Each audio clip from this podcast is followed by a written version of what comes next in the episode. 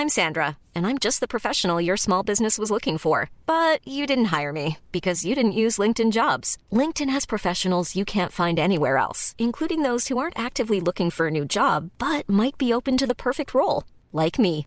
In a given month, over 70% of LinkedIn users don't visit other leading job sites. So if you're not looking on LinkedIn, you'll miss out on great candidates like Sandra. Start hiring professionals like a professional. Post your free job on linkedin.com/people today. Hallo allemaal en welkom bij de derde helft. Snijboon is op vakantie en Titus is geld aan het verdienen. Dus ben ik weer samen met mijn broertje Tim op pad.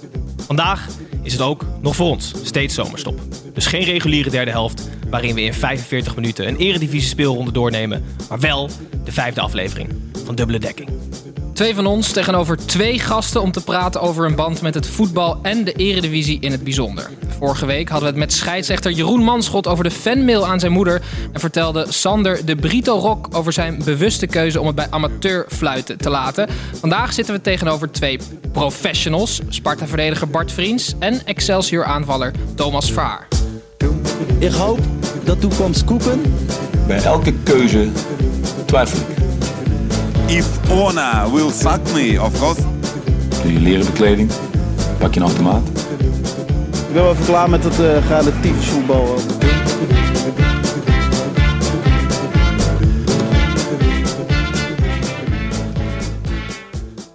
Mannen, welkom. Dankjewel. Even heel kort, hoe is het Bart? Goed man. Ja? Ja, hartje zomer. Lekker Rotterdam. Het echt bruin. Ook dat, ja. Ah, Training, eh, hij pakt ieder moment aan om, eh, om zijn shirt ergens uit te doen en Ja. eh, met het gespierde lijf van hem. eh, de neem op hè. Dus, ik lig, half- halverwege februari lig ik meestal al op mijn balkon. Eh, dus het is, het is hard. Uitstekend. heel goed Thomas, iets minder gebruikt. Hoe is het met jou? Ja, ook goed. Ja, ik, ik ben wat minder van de zon. wel. Ja, ik heb geknopt met mijn vriendin. Goed, jullie, jullie eh, nou ja, we zitten hier met z'n vieren aan, misschien voor context, de keukentafel van Thomas in Rotterdam. Eh, hebben jullie eigenlijk, Bart of Thomas, een idee wat we gaan doen vandaag of niet? Ja, je hebt wat gestuurd naar ons. Dat heb ik even snel doorgelezen. We hopen, we hopen altijd dat jullie zeggen geen idee, want dan kunnen wij even uitleggen aan de luisteraar Ja, leg het uit. wat we gaan doen. werkt Bart had geen idee, zo. Nou. Bart, Bart, had, Bart had echt geen idee, dus dat is prima. Nee, ik heb het ook niet naar hem doorgestuurd, zodat hij, eh, zodat hij verrast is. Zodat ik er lelijk uitkom. Heel goed. Eh, zoals altijd aan de hand van vier redelijk scherpe voetbalstatements, toch wel. Ehm, die zullen we doornemen met jullie, jullie mening erover horen. En eigenlijk aan de hand daarvan willen we iets meer te weten komen over wie Bart Vriends is en wie Thomas Verhaar is. Thomas allemaal eerder een keer bij ons eh, te gast geweest. Eh, halverwege zullen wij het inmiddels beruchte 45 seconds spelen. Eh 30 seconds, maar dan alleen met voetballers. En 45 Eh, seconds. dan. En 45 seconds, maar ook alleen met voetballers. Maar om te beginnen, Thomas, vertel op mij en de luisteraars alsjeblieft wie Bart Vriends is. Bart Vriends, ja. Bart Vriends is een voetballer bij, eh, bij Sparta. Hij heeft bij uh, Go Eagles eh, is hij begonnen en, en toen naar Sparta gaan. Daar heb ik hem leren kennen. Eh, hij heeft eh, onlangs nog meegedaan aan Slimste Mens. Eh, en dat heb ik ook gedaan. Hij heeft het helaas wat langer volgehouden dan ik. Dus dat, dus dat is een wond die denk ik nooit meer heelt bij mij. Wrijf het er ook te pas en pas in bij. Ja, en hij heeft even daar verteld dat hij schildert, dat hij gitaar speelt, dat hij wel zingt, wat hij allemaal, ik, boeken leest, weet ik, weet ik het allemaal. Golfen, fietsen. Ja, ja. Ja, nou, ik heb hem wel eens horen zingen en ik heb hem wel eens gitaar horen spelen. Het mag geen Dat naam doet hij hebben. Heel goed. Eh, verder zoeken we altijd even op op Wikipedia wie je bent. Bart, dus bij deze. In 2009 haalde je je VWO-diploma eh, aan het Hoge Land College in Amersfoort. Eh, en st- daarna studeerde je communicatiewetenschappen in Amsterdam. In 2013 behaalde jij je bachelor. Eh, vriend speelde in de jeugd van VVZA en FC Utrecht. En na zijn debuut in het profvoetbal voor Go Ahead Eagles staat de teller inmiddels op 225 officiële wedstrijden. En 11 doelpunten. Niet onaardig voor een verdediger. Of vertellen ze trainingen mee? Het lijkt het wel op, ja. Daarnaast is hij bekend van de slimste mens en van het feit dat hij als enige Nederlander de hoofdstad van Madagaskar wist. Klopt Ja. toch wel, of niet? Ja, en ik... eh, Ja, je vergeet volgens mij nog wel wat op Wikipedia. Er staat namelijk ook dat hij in vier afleveringen de slimste mens heeft verzuimd om de podcast die hij met zijn twee voetbalvrienden maakt. Oh, hebben jullie dat erbij gezet? Ja, nee, dat hebben wij niet erbij gezet. Dat werd direct na die. eh, Ik denk dat we er zo terug zullen komen. Eh, Bart, eh, Thomas is al een keer bij ons te gast geweest. Ik was er toen niet. Ja. Kan je mij even uitleggen wie hij is? Ja, Thomas, ja, ik, eh, het hele rijtje van Wikipedia die laat ik aan jullie. Maar eh, ja, ik kom hier net met eh, chips en, en, en M&M's en biertjes en cola aan. En dat komt omdat Thomas me ongeveer een half uur geleden dan appt van... Hey, die boys staan al voor de deur en ik heb niks in huis. Kan, jij, nog even, kan jij nog even wat halen? En dat is, zou ik zeggen, is in een notendop Thomas Vaar. Verder is het een, een flegmatieke buitenspeler van, van eerst Sparta en toen Excelsior. En eh, een van de grotere bedweters eh, die ik ken. En dat is in onze podcast eh, wel, wel waardevol. Want hij is altijd ongeveer heeft hij de- een tegendraadse mening als, als de rest aan tafel. Ehm, en ook de grootste voetballiefhebber die ik, die ik denk ik ken. Die een jongen die na, na twee harde trainingen en een krachttraining nog moeiteloos op een, op een pleintje aanschuift ergens. Eh, en sowieso altijd in is voor een, eh, voor een spelletje. Dus dat, eh, dat is Thomas, denk ik. Uitstekend. Nou, daarnaast, Thomas, ben jij een sierlijke linkspoot... Hè, die in de jeugdopleiding speelde van Willem II en Sparta. Lang leek het erop dat je het profvoetbal niet ging halen... totdat je op 26-jarige leeftijd door oude liefde Sparta weer in de armen werd gesloten. Een goede keuze, want met 24 doelpunten in 33 wedstrijden... hielp jij Sparta in 2016 hoogstpersoonlijk aan promotie. Je maakte nog kort een uitstapje naar Zuid-Afrika. Ja, je bent nu weer terug in Rotterdam bij Excelsior... Ook eh, had je een primeur door als eerste mannelijke voetballer mee te doen aan de slimste mensen. We hebben het net eh, al even besproken. Behalve vrienden en ex-teamgenoten hebben jullie natuurlijk ook nog eh, als echte semi-intellectuele hipsters een, een podcast samen. met Maarten de Fokkert, de Core Podcast. Daar gaan we zo ook nog even over praten. Ja, de, de introductie ja, is nog niet compleet. Nee, Gijs. absoluut niet. Nee. Wij zijn namelijk altijd heel erg benieuwd wie onze gasten die we tegenover ons hebben waren op het schoolplein vroeger. Snijboom, jongen, wat een geweldige goal. Die Dekselse Snijboom, toch geweldig, jongen, jongen, jongen, jongen. Bart, Eh, ja, trap het af. Eh, ja, ik, ik was eigenlijk een speler die in de verste verte niet op mij lijkt. Stam. een van mijn favoriete spelers.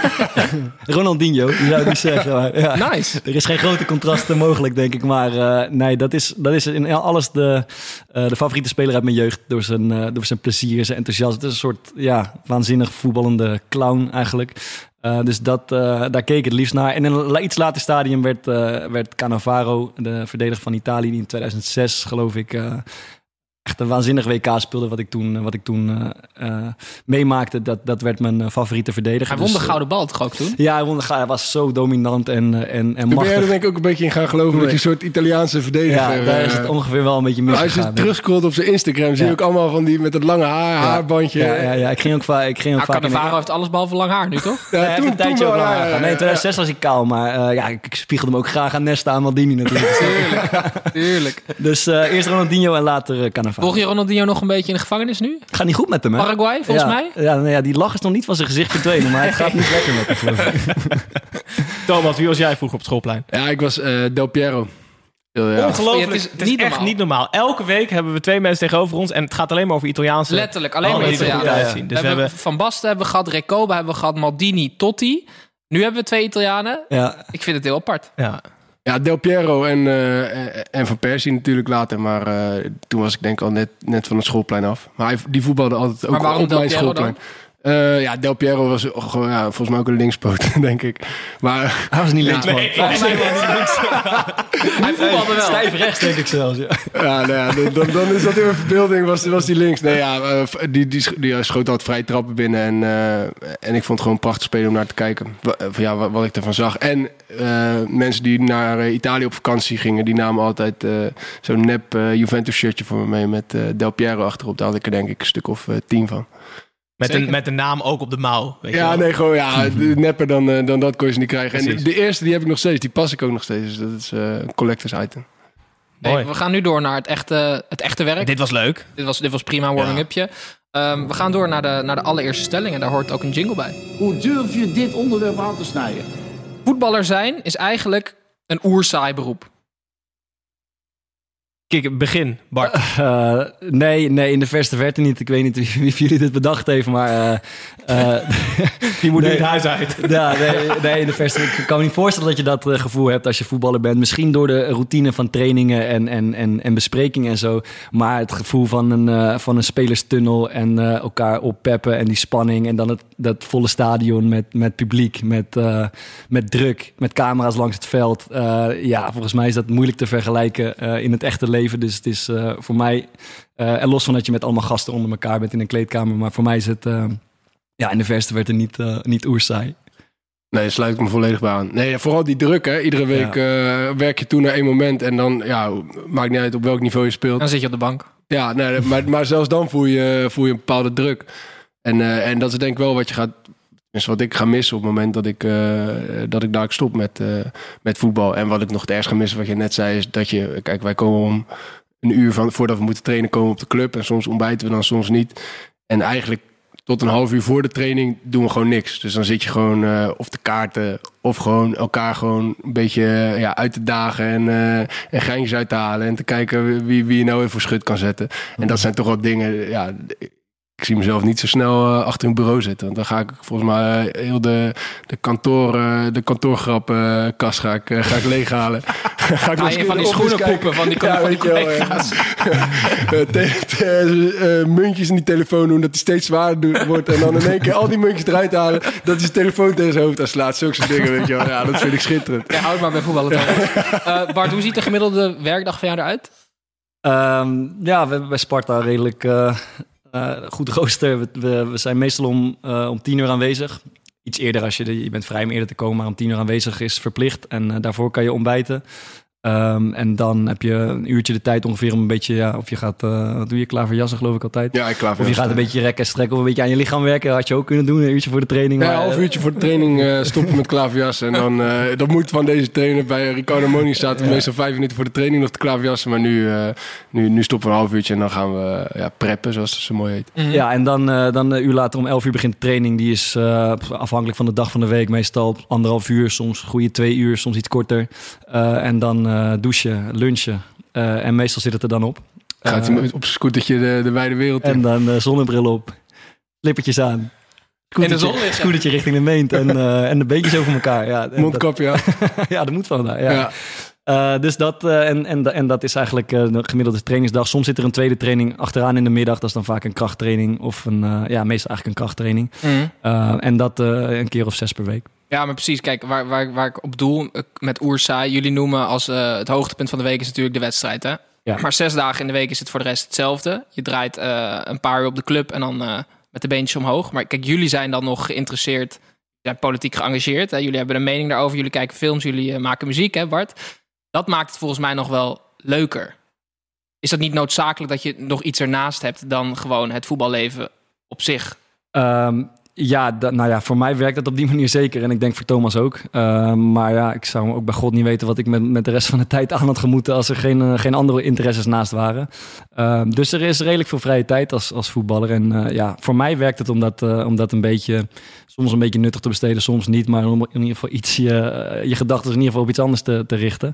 Ehm, ik weet niet hoe dat voor jou is. Ik denk dat voor jou hetzelfde geldt. Ja, we hebben toen Alex Pastoor gehad. Die, die dacht er heel anders over. Die vond dat je als voetballer eigenlijk vooral moest richten op voetbal. En dat je zo min mogelijk dingen ernaast moest hebben. Zodat je eigenlijk alles in thee kon zetten van, eh, van wat je op het veld deed. En dat heb ik toen ook gedaan. En toen merkte ik gewoon dat dat voor mij niet werkte. Ik hou gewoon ontspanning uit, eh, eh, uit bijvoorbeeld training geven. En aan, aan kinderen op mijn oude club, weet je wel. Zulke soort dingen. En, en, en dat werkt voor mij. Studeren in de tijd dat ik, dat ik echt goed aan mijn studie bezig was. Dat was meestal het moment waarop ik, ja, waarop ik veel speelde en waarop ik goed speelde. Dus, dus dat werkte dan. dat, daar haalde ik ontspanning uit. En dat is denk ik toch wel belangrijk. Mm. Maar aan de andere kant, je gaat eh, naar de club en je gaat uiteindelijk het veld op. En dan ga je gewoon voetballen. Dus veel mooier dan dat wordt volgens mij ook niet. Dus Nee, dat kan precies. je natuurlijk niet oerzij noemen. Maar Bart zegt wel, ik, ik weet niet wat ik met mijn... met Hij probeert je echt alsnog te overtuigen dat het wel saai is. Dan moet je het ook zijn vinden, begrijp ik. Nee, maar jij zegt... eh, Maar had je het, had je het zelf kut een, een, een kut bestaan gevonden of een saai bestaan gevonden? als ik niks anders erbuiten had wel. En dat, dat, was heb je ook... in eigen hand, toch? Nee, weet ik. Maar, Maar dat het gaat dat- erover je beroep. Maar het dit gaat over voetbal, snap Ja. je? Dus het voetballen alleen, Ja. dat is saai. Want jullie hebben allebei andere dingen nodig. Dat is dan mijn interpretatie ervan.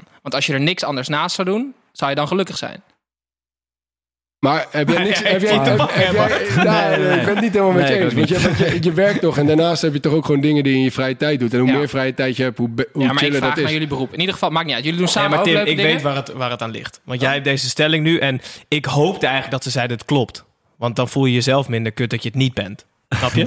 Ja, ja, Want wij willen altijd, wij hebben vroeger heel, eh, heel, in ieder geval heel vaak Ik samen voel me nu alleen maar kutter. Dat inderdaad best, Ja. wel, Ja, best wel leuk maar eigenlijk. niet goed. Het klinkt best wel leuk ja, te zijn. precies. Nee, precies.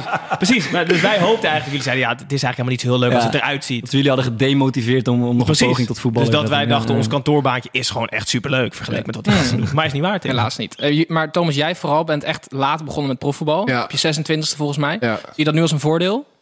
Nou ja, aan de ene kant wel. eh, want ik heb wel eh, goed van het leven kunnen genieten zonder dat ik in dat vaste stramien van het voetbal eh, zat. Want je moet, ja, je moet wel, je hebt eigenlijk bijna nooit echt weekenden. En je hebt bijna nooit vrij. En, en dat heb ik toen wel. daar, heb ik het Toen goed had je van, alleen maar weekend. daar heb ik het goed van genomen. Ja, ja dat is wel zo. En ik studeerde, dus ja, het was gewoon leven de vrijheid. Mhm. En eigenlijk op het moment dat ik, dat ik echt wel wat serieuzer wilde gaan leven, was het moment dat Sparta weer kwam. Dus het was voor mij perfect. Bart, jij was iets eerder. Want je speelde bij Utrecht. Ja. Stond je onder contract, werd je verhuurd aan Go Ahead. Toen was je denk ik 21 of zo. Stond Ja. er onder contract. En Ja, kreeg als een van de hele jongste kreeg je contract bij Utrecht, toch? Ja, op mijn, op mijn 16e eigenlijk al. Maar dat, het debuut in het betaald voetbal, dat liet nog even op zich wachten. Dat was inderdaad, geloof ik, 2021. Eh, maar ik ben altijd van de school geweest. eh, dat, ik wilde gewoon een zo normaal mogelijk leven leiden. Net als mijn vrienden uit mijn, uit mijn school en uit mijn buurt. Eh, en dat heb ik eigenlijk tot, eh, ja, tot de dag van vandaag trek ik dat nog een beetje door eigenlijk. Dus ik heb, ik heb nooit zo de beperking gezien van, eh, van voetbal. Ik, ik geloof nooit zo in de verhalen dat je alles hebt moet, althans dat ze alles hebben moeten opofferen om, te, om, om uiteindelijk voetballer te worden. Ik heb altijd een beetje NN gedaan en dat doe ik eigenlijk nog steeds. Eh, en dat, eh, dat werkt voor mij, want ik vind het zonde om het, om het leven een beetje uit je handen te laten glippen, omdat je nou eenmaal voetballer bent. Eh, en voor mij is het goed te combineren. Er staat natuurlijk buiten kijf dat je, dat je in het weekend niet, eh, niet per se op stap kan gaan, of dat je vakantie niet heel lang kunnen zijn. Maar alles daartussenin, eh, daar is een hele hoop uit te halen nog, denk ik. Je, zegt, je zegt normaal leven, daar hoort natuurlijk een podcast bij. Eh, wij zijn twee jaar eerder een, begonnen. Als je, als je, leeft als je wit bent en, Ja. eh, En niet weet wat je 60, wil. Ja, ja, ja. en echt En, tijd over hebt. Ja. Eh, jullie zijn er ook een begonnen. Eh, wat is het, zeven maanden geleden ongeveer, of niet? Eh, ik Of weet het niet. Nee, nee, net, net toen, eh, ik denk in februari ergens. Oké. Oh, Maart, toen de ik denk coronacrisis maart begon ergens. eigenlijk. Maart, ja. februari. vijf, vijf maandjes. Ja. Het plan lag al, al, al twee jaar op de, op de plank hoor. Maar eh, het is, eh, uiteindelijk hebben we het pas een paar maandjes geleden doorgedrukt. Ja. Ja, je kwam net binnen en zei, ha, de jongens van de concurrerende podcast. Maar we gaan hem gewoon doen met de Core Podcast. eindelijk, hè? wij, hebben altijd, wij hebben al een Maar dat was eh, genoeg, was genoeg. We kunnen door. nee, maar ik ben wel geïnteresseerd. Want het is, eh, ik, ik vergelijk het, eh, natuurlijk vergelijk het met wat je zelf eh, aan het doen bent. En wij zijn, jullie zijn voetballers die over van alles ouwe hoeren. En wij zijn van alles behalve een voetballer die over voetbal. Ja, dus we, ah, nice, ja. het is echt precies een spiegel die tussen, die tussen ons in staat. Maar ja, eh, is, het is toch het, eigenlijk het leukste wat je kan doen, of niet? Met vrienden ouwe hoeren. En dat ook nog mensen leuk vinden, of niet? Eh, ja, ik vrees dat ik dat wel vind. Ja, ja het, is, eh, het is hartstikke leuk om sowieso met, eh, met een paar gasten de wereld te beschouwen. En die voetbalwereld is ook een beetje een, is best een bijzondere wereld toch af en toe als je ziet wat er achter de schermen gebeurt. En het is, er staat veel aandacht op en het is best wel leuk om, om, om daar een keer ja, de koppen voor bij elkaar te steken en daar een beetje over uit te wijden. En het gaat hand in hand met, met dingen die we in het leven meemaken of, of, of geintjes en dat soort dingen. En ja, het is, ik vind het hartstikke leuk om te doen. Thomas, hebben wij je geïnspireerd vorige keer dat je bij ons was? Zeker, zeker. Dat was echt het moment waarop ik, ik, ik liep weg bij jullie en ik dacht van, nou, ik ga nu Bart bellen. Dit was zo kut. Ja, zo. Toen vliegt hij gewoon even een duif tegen het raam. Voor alles een eerste keer. Ja. En je dacht, dit is zo makkelijk, dit kan ik ook. Ja, precies. Ik bedoel, Ja. zo, zo bijzonder is het allemaal niet. Nee, nee. Maar dachten, was- jullie, dachten jullie andersom, die gozer moet een podcast beginnen? Nee, als we zeg maar een rijtje beroepen konden voor, voor, voor Thomas als podcast wel echt onderaan gekomen. Ja, jullie hebben dat natuurlijk gedaan met de spelers van, eh, van PSV. Wat, wat, hoe, hoe zou je Bart nou eh, omschrijven? Wat, wat- wat Op onze Instagram. was Ja, ja. Ik zou hem denk ik omschrijven als een soort yoga-leraar. of een mindfulness coach. Ja, Ja, mindfulness coaching. toch? Alleen dat Met die, die mooie Japanse tekens op Ja, zijn ja, shirt zo. ja. En, en Thomas? Accountant. Nee, nee. Jawel. Hij is ruiger. Hij is ruiger. Ik vind hem een soort, eh, wel stratenmaker. Gewoon wel een soort rouwdouwer. Maar wel Dat met ligt zo ver uit elkaar. stratenmaker met de politiek, eh, met de politiek tintje. De politieke partij. Oké, ik wil nog één vraag aan Thomas stellen. Was je verder gekomen als jij eerder bij een profclub had gezeten? Eh, nou, ik zat eerder bij een profclub. Ik heb bij, bij Willem II in de tweede gespeeld. En eh, daar is het niet gelukt. Dus, eh, Dus je hebt een ik gat denk van vijf, zes jaar gehad, toch? Ja. Eh, ik denk het niet. Oké. Nee, die, die tijd bij VOC heeft, heeft vooral mijn mijn zelfvertrouwen echt, echt heel veel goed gedaan. En, eh, en ik heb daar gewoon eh, echt geleerd dat, ja, de- dat je gewoon wel moet beseffen dat je gewoon goed genoeg bent. En als je dat niet bent, ben je het niet. En eh, dat, dat je niet te veel moet luisteren naar wat, vooral wat trainers eh, tegen je proberen te zeggen wat je beter moet doen. Maar dat je gewoon eigenlijk eh, moet vertrouwen op wat je zelf vindt. En, en dat heeft bij Sparta toen wel goed gewerkt. Tim, helaas. De stelling is niet gelukt. Voetbal is superleuk en profvoetballen is een geweldig bestaan. Dus eh, we gaan door naar stelling 2. Hoe durf je dit onderwerp aan te snijden? Het is volkomen logisch dat Dylan Vente meer verdient dan Mark Rutte. Die Thomas lachen. Ja, dat, dat vind ik niet logisch, nee. Nee? Nee, maar dat ligt er niet aan dat ik vind dat Dylan Vente te veel verdient. Maar ik vind, Ik eerder vind dat. Mark Rutte te weinig verdient.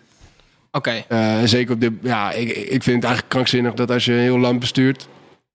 Wat hij natuurlijk doet, eh, dat je dan. eh, ja, dat je Schat niet, dat wij, dat wij gewoon een premier hebben die op zijn fiets eh, met zijn- met zijn broodtrommeltje naar zijn werk gaat. Ja, maar dat hoeft wel. Dat hoeft En nog niks te is maken. op zijn waarschijnlijk. Maar dat heeft toch niks te maken met hoeveel hij verdient. Dat is waar, maar dat tekent wel. een hij wel zo gewoon een chauffeur en weet ik het wat. Ja, wi- wisten jullie trouwens dat de president van China 22.000 euro per jaar verdient? Nee. Xi Jinping. Ja, ja, ja. ja. Echt waar? Ja, 22.000 per jaar. Maar dat is in Chinese... Nee, nee, oprecht. Dat is gewoon omgerekend in, eh, Echt waar? in euro's, ja. Ik weet niet, Maar misschien... Oké. niks te betalen. Ergens anders de- Mark Rutte moet minder verdienen. Ja, precies. Nee, ja, meer. Ja, ja. Nee, ja. Oké, eh, de- ja, Dylan Vente kwam laatst. Was een, was een, was een eh, ja, eigenlijk een tussendoorregel dat hij meer verdiende dan de, dan de Ja. premier. Volgens mij zit het 2 ton om 180, als ik het even eh, Ja. afrond. Ja, ik ben natuurlijk, natuurlijk is het niet logisch. Helemaal niet. Maar voetbal is wel zo'n krankzinnige industrie waar jullie ook eh, in leven. Ja. Dat het technisch gezien is gewoon een vraag en aanbod, toch? Het is ja, gewoon een dat soort. is, maar dat zou mijn Ja. antwoord, het is een saai antwoord, maar dat zou mijn antwoord zijn. Ik vrees dat het wel logisch is, omdat voetbal eh, de grootste eh entertainment-industrie ongeveer van, van het land is. En het is inderdaad een simpele kwestie van vraag en aanbod. Heel de wereld kijkt ernaar. Er wordt van alles voor gegeven en voor betaald. En dan kom je, vrees ik, toch uit op, eh, op dat soort bedragen. En eh, eh, ja, Maar vind je het dan logisch uit dat Rutte verdient wat hij... nee, als je uitzoomt en je kijkt gewoon naar, de, naar wat men eh, voor het land betekent, slaat het natuurlijk helemaal nergens Nee, op. Maar dan is eigenlijk de hele wereld scheef. Wie zou er beter zijn? Dylan Vente als premier of Mark Rutte als spits? Sterk. Eh, ik denk Ik zie eh als premier. Eh, de motor, aan de motoriek van Rutte te zien is dat er geen, geen, geen, geen goede pinch zit. Die moet je niet in de Ja. Hij wel lengte volgens mij. Is hij wel tegen de twee meter? Wel, maar wel allebei de hamstrings denk ik gewoon in binnen een minuut scheuren. Oké, goed. We gaan weer even terug. We zoomen even uit. Het gaat Zou natuurlijk... last hebben van kuipvrees, denk je, Mark Rutte? Nee, dat denk ik niet. Nee, dat denk ik hij niet. kan veel aan hoor. Hij is mentaal ijzersterk. Ja, dat Gewoon een hele lange ook. spits. Hij kan er gereed van, maar het boeit allemaal niks wat de supporters Dit was niet echt de kant waar ik op wilde, maar goed, Tim. eh, het gaat natuurlijk over de, de krankzinnige bedragen die rondgaan in, Ja. in de Maar voetballerij. zij is ook krankzinnig. Nou ja, dat, dat is dus de vraag. Ik vind ze, als je uitzoomt, vind ik ze eh, over de hele maatschappij genomen wel krankzinnig. Ja. Maar er zit natuurlijk gewoon een heel simpel business case achter. Deze speler betaal ik zoveel, die levert zo voor de club op. Snap ik allemaal wel. Maar als jullie ook iets uitzoomen, dus eh, jij als yogaleraar Bart en jij als stratenmaker Thomas, Nee, mindfulness. mindfulness coach. Hoe, krijgen, hoe kijken jullie dan aan tegen de bedragen die rondgaan tegenwoordig in het voetbal? Ja, ik, ik vind het gewoon best wel logisch. Ik bedoel, eh, er, er is een bepaalde aantrekkingskracht van voetbal. En dus er zijn een bepaald aantal mensen die kijken. Nou ja, als je bijvoorbeeld denkt eh, hoe- hoeveel miljoenen mensen er wel niet een tientje zouden willen lappen om, om bijvoorbeeld Messi te zien spelen. Nou, dan denk ik dat je wel een aantal miljoen kan vinden. Dus dan is het logisch dat hij dat ook eh terugziet in, op zijn salarisstrookje. En, Hoeveel eh, mensen zouden 10 euro voor over hebben om Thomas Verhaar te zien?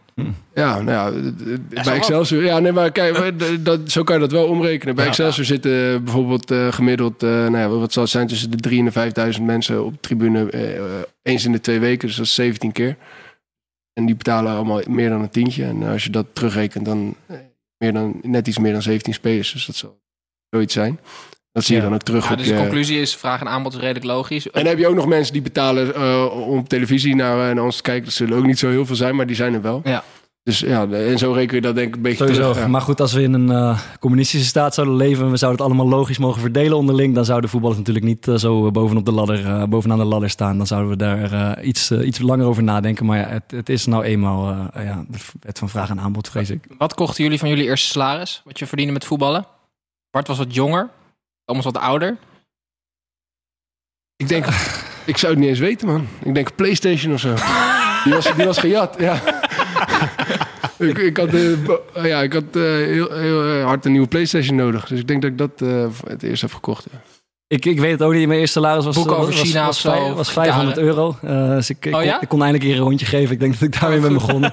maar eh, ook dat was er eh, snel doorheen. Ehm, dus eh, ik heb eigenlijk ook geen idee, jongens. Oké. Gaat het in de kleedkamer veel over geld? Weten jullie wat jullie medespelers verdienen, teamgenoten? nee, dat weten we niet. Het gaat wel veel over geld. Ja, dat is bijzonder. Maar we weten absoluut niet wat, van elkaar wat we verdienen. Het gaat echt he- heel veel over geld en over eh, mogelijke bedragen en wat die en die nou wel- niet krijgen. En of je in China dat en dat kan krijgen en wat de premie is en, eh, en wat voor auto er wordt gereden. Maar op een of andere rare manier is er een soort eh, mystiek om, eh, om, de, om, de, om je eigen salaris. En, Maar eh, niemand en vraagt dat ook aan je. heb ik Nee, het dat wordt gewoon niet gevraagd. Nee, iedereen Ook. weet Zelfs het. niet, Thomas en ik weten het ook niet van elkaar. Nee. En, en, eh, en, en eigenlijk is dat onderling is het een beetje zo gegroeid dat je daar niet over praat. En misschien ook wel logisch, omdat het je, eh, eh, ja, misschien je clubs gaat. Of je, ik weet het eigenlijk niet precies. Of, je, of het iets zegt Nee, over het de is helemaal niet zo logisch, maar ja, het gebeurt gewoon niet. Nou, het is misschien wel logisch als in de kleedkamer duidelijk is wie wat verdient, toch? Dat, Ja, ja kijk, als clubs daar niet, niet goed mee doen, dan is het logisch dat Ja. het niet naar buiten komt. Ja, en ik denk dat over het algemeen clubs zich wel af en toe laten verleiden om iets meer te betalen voor sommige spelers eh, die, die dat niet verdienen. En dan krijg je inderdaad scheve. eh, om, dus om, om dus nog- u- uiteindelijk groeit het dan zo dat niemand er meer over lult. om dan nog één keer onze eigen podcast, sorry jongens, erin te gooien. We hadden dus het plan om een keer een, Hoe heet die ook eh, weer? om een eh, uitzending over salaris te maken. Dachten we, nou, nu gaan we, we gaan het even, we gaan het taboe doorbreken. We gaan het over geld hebben. Maar we zaten er alle drie te hakkelen. Ja, dat was niet best. Nee, dus we, hebben alle, we hadden er ook allemaal spijt van. Als we het onderwerp aansnijden, moeten we ook eh, open kaart spelen. Maar ja. Ja. ik, ik voel er niets voor. Thomas voelt er niets voor. Eh, dus eh, ja, we blijven ons... Ja, die vriend die zat nog eh, met het meeste mail in zijn mond te praten. Ja, met z'n- absoluut, met z'n 24.000 per maand. Netto. Hij lacht om wat waar is. Goed, eh, we zijn ongeveer halverwege aanbeland. Dat betekent Mijn favoriete onderdeel. jouw favoriete onderdeel. Voor de 5 seconds. ehm, ik heb hier een kaartje met Ja. spelersnamen. Het is de bedoeling dat één van jullie de spelers gaat omschrijven zonder natuurlijk de naam te noemen. Ja, Ehm, de allereerste vraag is wie gaat het omschrijven en wie gaat het Ja, ik denk dat jij moet gaan omschrijven. oké. Ik- Want jij, jij weet niet zo heel veel eh, over voetbal, heb ik het idee. Meestal. Maar, maar ik moet toch voetballers gaan omschrijven nu? Ja, maar ik denk als je die namen ziet staan, dat je wel ideeën hebt. Maar als, als ik ga, dat je niet weet wie bij Paris. Saint-Germain of zo speelt. Wat is de, te, te breken? Wij zijn wel competitief. Negen. En ik denk dat we ook redelijk... Ik, ik, voel, ik wil niet te hoog van de toren maar ik denk dat we hier redelijk eh, goed in zijn. Toch? We gaan, we gaan, naar de, gaan we naar de tien? Het zou mooi zijn. Zeer politiek correct. Je mag even vijf seconden kijken naar de namen. Oh, Die geef ik alvast. Hoeft niet op volgorde. En dan eh Eh, 3, 2, 1, go. Oké, Marokkaanse keeper speelde bij PSV, HSV, altijd derde keeper. Eh, overal. Sinou. Ja, die kale teamgenoot van mij. Uh, Smeets. Juist, eh, vriend van, speelt bij Almere, vriend van mij en van. Maarten de Fok. Juist, heel goed. Die voetballer van Jong Oranje die ze furoren maakt, speelde bij Arsenal vroeger en die deed al die dribbeltjes en zo. Oh, Quincy Owusu Heel goed, heel goed. Eh, aanvoerder van Excelsior, vorig voormalig die kale jongen, linkspoot op het middenveld. Eh, Adil Awazar. Nee, nee, nee. Eh, nee, oké. ik weet niet. Eh, die gast die nu makelaar is in Rotterdam, die ook hier in deze podcast zat, die spits. Die spits, die vastgoed- den Oude, juist, juist, juist, juist, juist. Eh, rechtsback die, eh, van, van Utrecht die we hebben gebeld. Eh, Mark van der Marel. Juist, juist, juist. Eh, de Braziliaanse buitenspeler van Ajax. Die Eh. Roberto. Nee, die andere die nu, die nu speelt. Ah, Neres. Juist, juist, juist. Even kijken. Die hele snelle rechtsbuiten van Go Ahead Eagles met het staartje van vroeger. Die donkere jongen die oh, hoe heet die nou? Oh, Antonia. Ja, lekker man. En die zit Jezus. Maar dat was acht. Twaalf. Nee, man. Kut. Zo, ik was echt gretig, ja. Rijn Koolwijk, man. Ah, shit, man. Zo, Kijken jullie American. Dad of niet? Eh, ja. Oh, hij is Ja, Roger. die, is, die is mooi, ja. Kut, man. Ja, Die is- ja. Dat was onze allereerste lookalike ooit. Ja, die was Ryan met Roger. Daar zou hij ongetwijfeld niet blij mee zijn geweest. Dat weet ik niet. Nou, ik Ehm, vraag me echt af of we het beter hadden gedaan als we andersom hadden gekozen. Bart is recht dood. Ja, man. Ja, echt kut. Ja, we, we willen gewoon het hele elftal vol natuurlijk. Oké, eh, jongens, we gaan door naar stelling 3. Hoe durf je dit onderwerp aan te snijden? De stelling luidt als volgt. In een voetbalcarrière is geluk belangrijker dan talent. Thomas. Eh, voor, een groot gedeelte wel, denk ik. En eh, voor, voor het kleine gedeelte wat echt gewoon zo buitensporig veel talent heeft, die zullen altijd wel profvoetballer worden. Maar daaronder zit denk ik een hele grote pool met jongens die net even op het juiste moment eh, op de juiste plek zijn. Zoals ik, zoals Bart.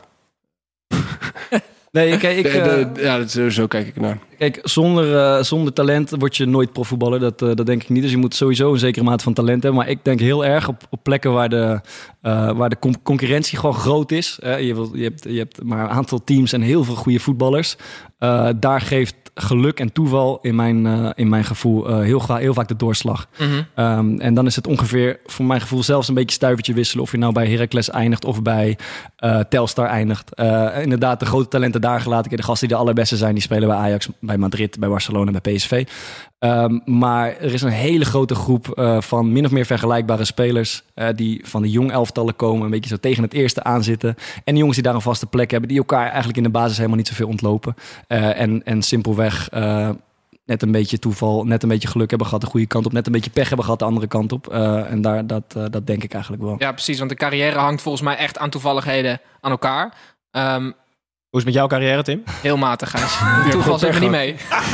maar, Veel pech gehad. Ja, zeer veel. pech. maar ehm, eh, er is vaak een wat als moment aan te wijzen. Wat als ik toen, ehm, als mijn baas weg was gegaan en ik wel die kans had gekregen bijvoorbeeld. Hebben Ja. jullie in je hoofd een moment in je carrière waarvan je dacht, als ik, als ik, als ik toen dit had gedaan, dan was ik nu wel echt eh, het mannetje. Ja, natuurlijk zeker het mannetje nu, maar Ja, ik heb wel eh, zo- zo'n soort moment eh, gehad toen bij Willem II. Toen speelde ik in Jong Willem II en dat ging hartstikke goed. Dat was mijn eerste jaar daar. En weer tegen AZ, was Louis van Gaal nog trainer. Kreeg ik schop van die, Jermaine Lens. Toen raakte ik geblesseerd, was ik er vier weken uit. En de jongen die er toen vervolgens voor mij inkwam, die stond twee weken later wegens per- allemaal personele problemen. Bij het eerste maakte hij zijn debu- zijn debuut. Terwijl, eh, terwijl, dat was ik anders geweest. Dat was Dus, Moussa eh, Dembele, of niet? wie was dat Nee, dan? dat was Sidney Smelts. Oh ja, maar die is ook niet helemaal top geworden, toch nu? Nee, en eh, dat had waarschijnlijk voor mij ook helemaal niks eh, uitgemaakt uiteindelijk, denk ik. Maar je weet het niet. Wel grappig, want je hebt, het is wel echt zo'n moment inderdaad. Wat Ja, had dat Louis is van Gaal ermee te eh, maar maken? ja, weet je, hè? Wat had Van Gaal ermee te Nee, ik maken? weet toevallig dat hij daar Oh, nog trainer was. Ja. Ik dacht dat hij na de wedstrijd naar je toe kwam, dus hij lekker gespeeld, eh, Thomas. Nee, nee, dat, eh, dat zou het verhaal wel wat mooier maken. Bart? Uh, ja, goede vraag. Ik, ik heb eigenlijk vaak een soort wat als de andere kant op. Ik denk bijvoorbeeld in mijn eerste professionele seizoen bij Eagles promoveerden we eigenlijk per toeval. Mhm. Uh, en ik pakte zelf nog een rode kaart in de finale van de playoffs. Uh, 1-0 achter, 10 man, penalty tegen. Uh, dus, dus het was heel logisch geweest als we die, die playoff finale niet hadden gewonnen. Maar we wonnen hem toch. En daardoor speelde ik het seizoen daarop in de Eredivisie. Kon ik een heel seizoen in de Eredivisie spelen. En ben ik een Eredivisie-speler geworden. Maar het had net zo goed natuurlijk gewoon daar in de Jupiler League kunnen zijn. En, en daar uh, misschien wel gebleven. Mhm. Um, maar om iets anders te noemen, iets, iets positiever. Ik, ik tekende bij, of ik was akkoord met Sparta een jaar of vier geleden. En ik geloof een, een halve dag later belde mijn oude trainer, die inmiddels bij Utrecht zat, dat ze belangstelling hadden om mij uh, misschien naar Utrecht te halen. En dat is wel een momentje waarvan ik dacht, nou ja, terug naar mijn oude club uh, Utrecht, waar ik graag had gespeeld. Uh, dat was wel, dat als ze een dagje eerder waren gekomen, had ik het zeker overwogen. Dus dat, ja, zo kan het ook gaan. Ik heb nog wel een momentje voor jou. Mm. Um, volgens mij speelde hij bij Sparta toen. Volgens mij is allebei bij Sparta. Alex Pastoor was trainer. Ah. Um, 7-0 verliespartij van Feyenoord. Volgens mij was jij geblesseerd. Ja. Bart Vriends was geblesseerd. En die mocht uitkijken naar een andere club. Als, ja. ik, het niet, uh, als ik me niet vergis. Ja, ja, ja. Als, dat is, uh, ja zeker. Dat is, maar Alex Pastoor werd ontslagen mm. doordat het 7-0 werd. Ja, ja dat, is, dat zijn die, die, dingen die, als je het over pech en toeval hebt of pech en geluk hebt. Um, ik geloof er heel erg in. Ik mocht, ik mocht vertrekken op dat moment. En ik geloof er heel erg in als het niet 7-0 voor Feyenoord was geworden, maar uh, 2-0 voor Feyenoord. Was de trainer waarschijnlijk niet ontslagen. En, het, uh, en, en had ik alsnog mogen uitkijken naar een nieuwe club. Maar de trainer werd ontslagen en binnen het bestuur of binnen de club dachten ze er anders over. Dus mocht ik, mocht ik aanblijven. En ook voor, voor jou, Thomas, veranderde de situatie. Want we konden gewoon weer volledig voor onze kans gaan. En um, uh, ja, dat soort dingen maken toch verschillende carrière. Ik vind dat echt, dat blijf ik een moeilijk onderdeel vinden. Want dat betekent dus dat je uh, bij iemand goed moet liggen. Dus in jouw geval, Bart, bij Alex Pastoor. Mm. Um, dat heeft soms niet eens met voetballende kwaliteiten te maken. Uh, is, het, is het ook belangrijk dat je goed ligt bij mensen qua karakter, Thomas? Ja, je moet, de trainers moeten wel een bepaald gevoel bij, uh, bij je kunnen hebben. En de ene heeft dat beter dan... Uh, bijvoorbeeld met Alex, als hij nooit was gekomen naar Sparta... was ik ook nooit zo goed geworden bij Sparta. Dat durf ik wel te zeggen. Want ik kon toen heel goed met hem, uh, met hem overweg. Uiteindelijk vervolgens gebeurde... Toen, toen we weer degradeerden kwam Fraser. En met Fraser, die, die lagen we elkaar iets minder. En, en toen zat ik in één keer op de bank. En dan kan het ook in één keer zo snel gaan. Terwijl je denkt van ja, dit wordt toch wel weer een seizoen... waarin ik veel ga spelen. Dus, dus maar ik denk dat het bijvoorbeeld in jullie carrières uh, buiten het voetbal is dat misschien niet eens anders. Want dan moet je ook een baas of een leidinggevende hebben die maar net goed met je overweg kan. En die je de kans geeft om door te groeien. Of die een keer zegt van nou ga jij, ga jij dit maar eens doen dat je wat meer verantwoordelijkheid krijgt. En bij voetbal is het misschien juist, juist wel transparanter omdat er gewoon uh, duizenden mensen meekijken. Ja. Uh, en als een trainer dus uh, jouw weg probeert te moffelen terwijl dat niet terecht is, dan, dan wordt dat een stuk moeilijker bij het voetbal dan in het bedrijfsleven, denk ik. Nice. Had ik het eigenlijk zelf nooit bekeken. Ik dacht dat het een beetje bij voetbal altijd een beetje een onderschat dingetje was. Want je hoort eigenlijk zelden over de relatie tussen speler-trainer. Heel af en toe is het wel zo dat er natuurlijk een lievelingetje ergens zit. Maar Ja, maar meestal bepaalde kijk, trainers, eh, ja. aan de andere kant, eh, de, de trainer stelt je niet, niet op omdat hij een lul vindt. Ik bedoel, eh, Pastoor stelde mij waarschijnlijk niet op omdat ik gewoon niet zo goed speelde. En als ik dat wel had gedaan, dan had hij niet om me heen gekund. En dat geldt misschien voor, Ja. voor Fraser en Thomas ook. Ik bedoel, als je hard genoeg aan de deur klopt, dan kan, hij je nog wel een klootzak vinden. Maar reken maar dat je erop staat. Maar er is natuurlijk altijd een nuance. Ik bedoel, als je, als je kan kiezen tussen twee spelers en je, en je hebt een smaak voor een... eh, voor een, knappe gozer. Nee, nee, maar, maar, het nee, dat is wel waar. Want ik, ik, kan, ik kon er gewoon goed overweg met, eh met, met Vrees. Dus daar lag het niet aan. Alleen hij, ik was gewoon als voetballer niet wat hij zocht voor het Juist, elftal. En, ja. en, dat, en dat zorgde er dan voor. Maar terwijl een andere trainer daar misschien dan wel Ja. op datzelfde moment heel anders over zou denken. Dus daar zit wel een bepaalde mate van pech en geluk in. Op, eh, dat je op het juiste moment de juiste trainer tegenkomt die het in jou ziet zitten. Dus geluk is wel degelijk een belangrijke factor. ik, ik koppel, Ja. koppel nog even terug. Ehm, in een voetbalcarrière is geluk belangrijker dan talent. Is jullie conclusie dat je meer geluk hebt gehad of meer pech uiteindelijk? Ik heb meer geluk dan pech gehad, eh, denk ik, onderweg. Ja, ik ook wel. Lekker jongens. Positieve mensen. Maar, ik denk dat, dat, dat, dat probeer ik ook te zeggen, dat iedereen zeg maar, van ons kaliber, zeg maar, eh, die uiteindelijk het profvoetbal en een goede carrière heeft gehaald, dat die meer geluk heeft gehad dan pech gehad. En dat daaronder zit ook nog een hele pool met spelers die misschien hadden kunnen komen waar wij zijn gekomen als ze net wat meer geluk hadden gehad.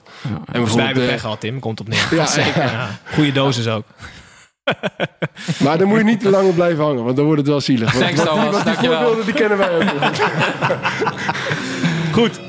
Door naar de laatste. Hoe durf je dit onderwerp aan te snijden?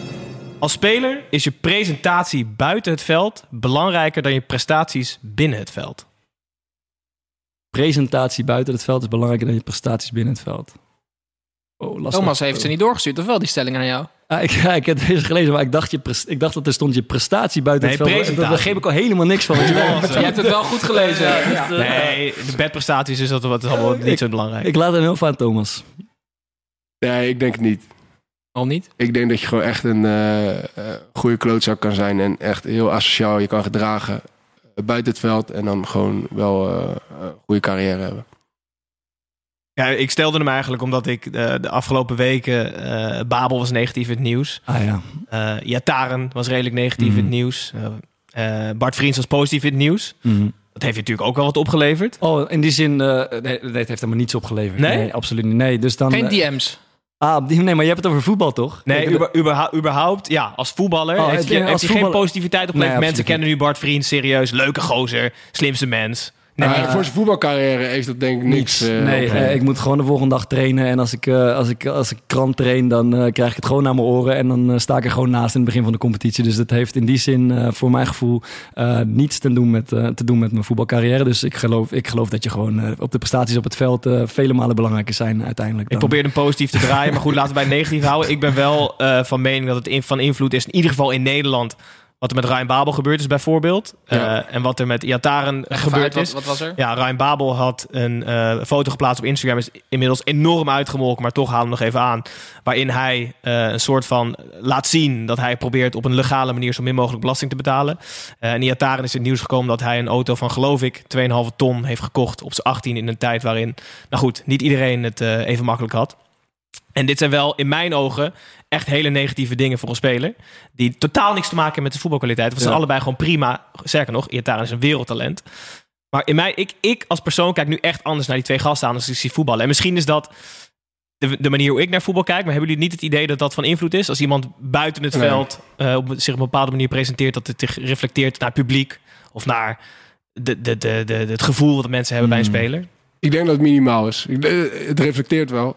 Dus eh, er, zal eh, er zijn inderdaad spelers geweest waar- waarvan je vindt... die hebben zich eh, echt supergoed verkocht. Maar uiteindelijk, als ze niet leverden op het veld... dan, dan, dan heeft dat ze uiteindelijk niet, niet, kwam dat niet door dat ze wel speelden... doordat ze zich buiten Nee, het veld precies. goed Maar dat de mensen minder hard klappen voor ze... omdat je denkt, ja, dus die lul met dat boek. Nee, denk ik niet. Als je uiteindelijk gewoon, gewoon doelpunten maakt... als, Ja. als, als Babel de volgend jaar 30 inschiet... dan lult niemand meer over die, eh, over die belasting, eh, belastingaffaire. Ik zag je heel veel twijfelen, Bart, maar nu ben je overstag. Nee, nee ik, ik, ik heb hetzelfde. Ik denk, ik weet niet of je voor Ajax bent, maar ik vermoed als, eh, als, als dat zo zou zijn en, en Babel schiet er volgend jaar 15 in en eentje in de halve finale van de Champions League, dan reken maar dat je het liefst weer gewoon om zijn nek zou vliegen waarschijnlijk. Dus Ja. wat dat betreft eh verervert het, eh, het, de prestatie op het veld alweer eh, de negatieve smaak Maar het waarschijnlijk. kan, het kan wel zo dat eh, stel dat een speler daar gewoon eh, veel negativiteit door ervaart, dan kan dat wel eh, Van invloed zijn. Ja, van invloed zijn op zijn prestaties. Ja. Maar dat is denk ik wel iets ander. Daar zou Mark. Rutte geen last van hebben. Dat hebben we al geconcludeerd. Die is Nee, mentaal ijzersterk. Hij is Ja. sterk. De man van Teflon. Hey, hey, go- googelen jullie jezelf wel eens? Eh, nee. Bart? Ik heb mezelf wel eens gegoogeld. Ja. Ja, ik heb het wel eens gedaan, maar nu, nu doe ik het eigenlijk nee. Maar bijvoorbeeld rond zo'n slimste mens. Ehm, Ik zou het zeker doen. Nou, ik zou even op Twitter je naam intikken, toch? Oh ja, nee, kijk, eh, dat, was, eh, dat was best wel overweldigend. Ik was op, eh, op vakantie en de- de- ja, ik had niet zo door wat de impact is van, eh, van anderhalf miljoen kijkers of zo. Dus ik hoef er niet eens naar te zoeken, maar er komt je van alles toe. Door, door, het zij door vrienden of gewoon op Twitter en zo. Dus eh, ja, de, de stemming eh, die, die was mij, was mij wel, werd mij wel duidelijk. Ehm, maar eh, ik denk dat we allemaal onszelf wel eens hebben gegoogeld, toch? Nou, moet je nagaan wat er nu gebeurt zit op YouTube komt. Hè? ja, ja, die gaat het echt Anderhalf miljoen is niks bij. Al die DM's, jongen. Oh. Oké, dus het heeft totaal geen invloed. Je kan een klootzak zijn, ehm, maar het heeft geen invloed op je carrière. Maar ik vind het ook onzin dat je geen auto van 2,5 ton mag kopen. Maar dat is denk ik Nee, dat was- Dat, we hebben dat het- vind ik ook. Die hebben we al eens eerder, hebben we al eens eerder Vinden voorgelegd. jullie dat Ja, ook? eh, Vinden jullie dat, ik vind eh, het volkomen logisch dat hij dat gedaan heeft. En Uiteindelijk. ook dat hij het op Instagram dat zet. vind ik niet handig. dat vind ik niet maar dat is een andere discussie. Oké. Ik vind dat je daar management voor kan hebben. Maar goed, Luister de aflevering met Freesia en Milan van Dongen terug, dan heb je mijn antwoord. het is slechts drie kwartier, maar dan heb je ook wel dan heb je Tim's antwoord op de Maar wel vraag. saai ook toch? Want jij zegt zoiets als, ja, daar heb je een management voor of zo. Of de, Ja. dat, daar kan je handig, maar daar krijg je wel al, al het saaie, Ja. afgekloven Nee, dat is... gelul mee. Nou, Waar- dit soort, dit soort eh, frictie en, en discussie is toch ook wat voetbal spannend maakt. En wat entertainment spannend maakt. Bedoel, Ja, maar is dat voor een 18-jarige jongen ook spannend als hij zoveel lading over zich heen krijgt? Dat weet ik niet. Ik denk dat je als manager dat je als rol hebt om iemand te beschermen. Ja. Tot een bepaalde hoogte, zeker als hij zo jong is. Ja. En dat je dan wel in had kunnen grijpen met zeggen van... op zijn minst nu niet. Mm, ja. Doe het dan een keer... eh, of doe dan alsof je hem voor je moeder gekocht hebt. Dan is het sentiment natuurlijk heel anders. Ja, ja, ja. Ja, dan komen ze erachter dat jij erin rijdt. Ja, daar komt niemand achter. Oké, nou goed. Dus je kan wel een klootzak zijn. Thanks. Nou, ja, Laatste je hebt een goede toekomst voor je. Ja, gelukkig. Ik baal echt nog steeds van die 45 seconden. Nog een keer, eh, heb je nog een kaartje? Ik wil nog een keer. Misschien komt er ook nog een herkansing. Bart. Eh, we hebben nog wat vragen van uh, luister. Hallo fans, wie gaat er zinnen? Hier is Tom. Even kijken, Gijs. Ja, eh, Thomas, eh Ari Bombari, die wil eh, Ja. Van jou weten hoe je aan de bijnaam Robolul komt. Nee, dat is een mooi verhaal. Arie Bombari, dat is die gozer uit, eh, uit de kelderklasse. Ja, die ken ik vanuit Rotterdam. Eh, gemeenschappelijke vriend. En dat is, een, eh, ja, dat is een goede vriend van mij. En die, die, die had een tik en die vond het vooral mooi om mensen, zeg maar, eh, die ik dan goed kende en hij niet. Die ging hij dan allemaal verhalen vertellen die hij gewoon ter plekke verzon. En die werden nog, ja, en, en zo Over jou? over mij, ja. Zo van, ja, weet je wat Thomas een keer gedaan heeft? En, eh, en dan gewoon een verhaal verzinnen. En, en, zo heb ik ooit een keer de naam Robolul gekregen. Dat is te bizar, te lang om eh, nu te vertellen. Er zit een bizar verhaal aan vast. Maar ja, in die, eh, in die vriendengroep word ik dus nog steeds zo genoemd. En dat is een, een titel die ik met veel trots draag. Hoor. Mooi, Robelul. Ja. We hebben nog een vraag van de Core Podcast ook op Twitter. Ehm, wat gaat er door je heen als jullie je trouwe kameraad weer eens onder de bus gooien en hier samen gaan zitten? Maar die was voor ons, toch? Of niet? Nee, dat was voor hun. Oh ja, natuurlijk, ja. Ja, eh, goed. Ja, we hebben vaker eh, benoemd dat eh, voetballerij een, een slangenkuil is. en eh, zo ook de podcastwereld. Want Thomas en ik hier gaan niet toch lachend met z'n tweeën zitten. En we laten onze kameraad Maarten achter. Maar ik sluit niet uit dat hij hier eh, met molotov cocktails voor, voor de deur staat. Dus ja, zo werkt het toch. Ja, hij, zat, hij, hij had van de week had hij ook in zijn eentje een interview in Rijnmond. Dus we moesten eh, terugslaan. Ja, bij ons ligt altijd op de loer dat er een van de drie solo gaat. Dus we moeten, we, we moeten scherp op elkaar blijven. Ik vind de vraag van Magne, Magne Langejan ook nog wel leuk, Gijs. Jij vindt hem volgens mij minder leuk. Ja, ik vind hem minder leuk. Voor welke club zouden jullie nog een keer willen spelen? Ja, Feyenoord. Naar het G-team dan. Ja, nee, ja, je vraagt club ik zo zou willen spelen. Ja. Gaat er op het laatste Of Lucky Feyenoord. Lucky nee, ja, ik denk niet dat ik het nog ga halen, maar dat was toch niet de vraag? Zee, hartstikke goed antwoord, Thomas. Ja, we eindigen leuk, jongens. Ehm, ik, ehm, ja, ik heb altijd wel een wens om ergens in Italië te spelen eigenlijk. En, eh, en eh, ik hoef niet eens zo hoog in te zetten, maar... eh, eh, pff, noem eens wat. Genua. Zal het mogen? Niet hoog. Nee, ik, ik, ben, eh, ik wil graag een, eh, een, een, een avontuurtje aan. En eh, dat, dat zou ik daar zien zitten. Of, of in Amerika of in, of in Australië. Ehm, dus dat zou mijn antwoord zijn. Want hoe was het leven in Kaapstad, Thomas, als voetballer? Ja, dat lijkt me was wel geweldig. geniaal, want je hebt bij Ajax Cape Town gespeeld, toch? Ja, ja nee, was top. was echt, eh Kaapstad is zo'n wereld, wereldstad. Echt, eh, Ik ben er onlangs nog geweest, hadden het nog steeds over je. Ja, is Maar zo hoe lang heeft het geduurd? Hè? Half jaar. Ik heb daar half jaar gezeten. En wa- wat was de reden dat je terugging? Eh, we moesten promoveren en dan zou mijn contract eh, een jaar verlengd worden. En, eh, en dat lukte niet. Dus ja, toen, ging ik terug. Toen kon ik nog, ze, ze wilden nog een andere club kopen. En dan onder die licentie wel op het hoogste niveau gaan spelen. ja. Dan zou ik ook blijven. Maar dat duurde allemaal te lang. En toen kwam Excelsior. En, achteraf gezien ben ik er blij om. Want had ik daar nu eh, vastgezeten met een met, met toen zwangere vriendin in die coronacrisis. Oh ja, jezus. Want het is daar wel echt, echt, echt, echt nasty man op dit moment. Dus, eh, Maar de droom is nog altijd wel om ooit terug te keren daar. ja, tuurlijk. Het is een geweldig, eh, echt een geweldig land en een eh, geweldige stad. Dus eh, ik heb daar echt met volle teugen van genoten. Ja. Heel goed. Wordt een beetje emotioneel van. Ja, ik hoor- Je schiet vol. ik zie het ook. Ja. Ah, gaat ie? Gaat Ja, jezus. Even een slokje. Tijd om te stoppen misschien. Nee, het, was, het wordt zeker tijd om te stoppen, Tim. Het was hem. Aflevering 5 van onze zomerse serie Dubbele Dekking in het Rotterdamse hart. Met Thomas Verhaar en Bart Vriends. Volgende week blijven we in de Rotterdamse sferen, Tim. Wel in Amsterdam, hè? Wel in Amsterdam. Komen naar Amsterdam. Ze komen naar Amsterdam. Hugo Borst en Frank van der Lende. Vraag me niet waarom ze met z'n tweeën komen. Zelfde kapper, denk ik. ja, dat, dat zou kunnen, ja. ja, dat zou kunnen, ja. Goed, volgende week zitten eh, twee van ons tegenover Hugo Borst en Frank van der Lende. Tot dan.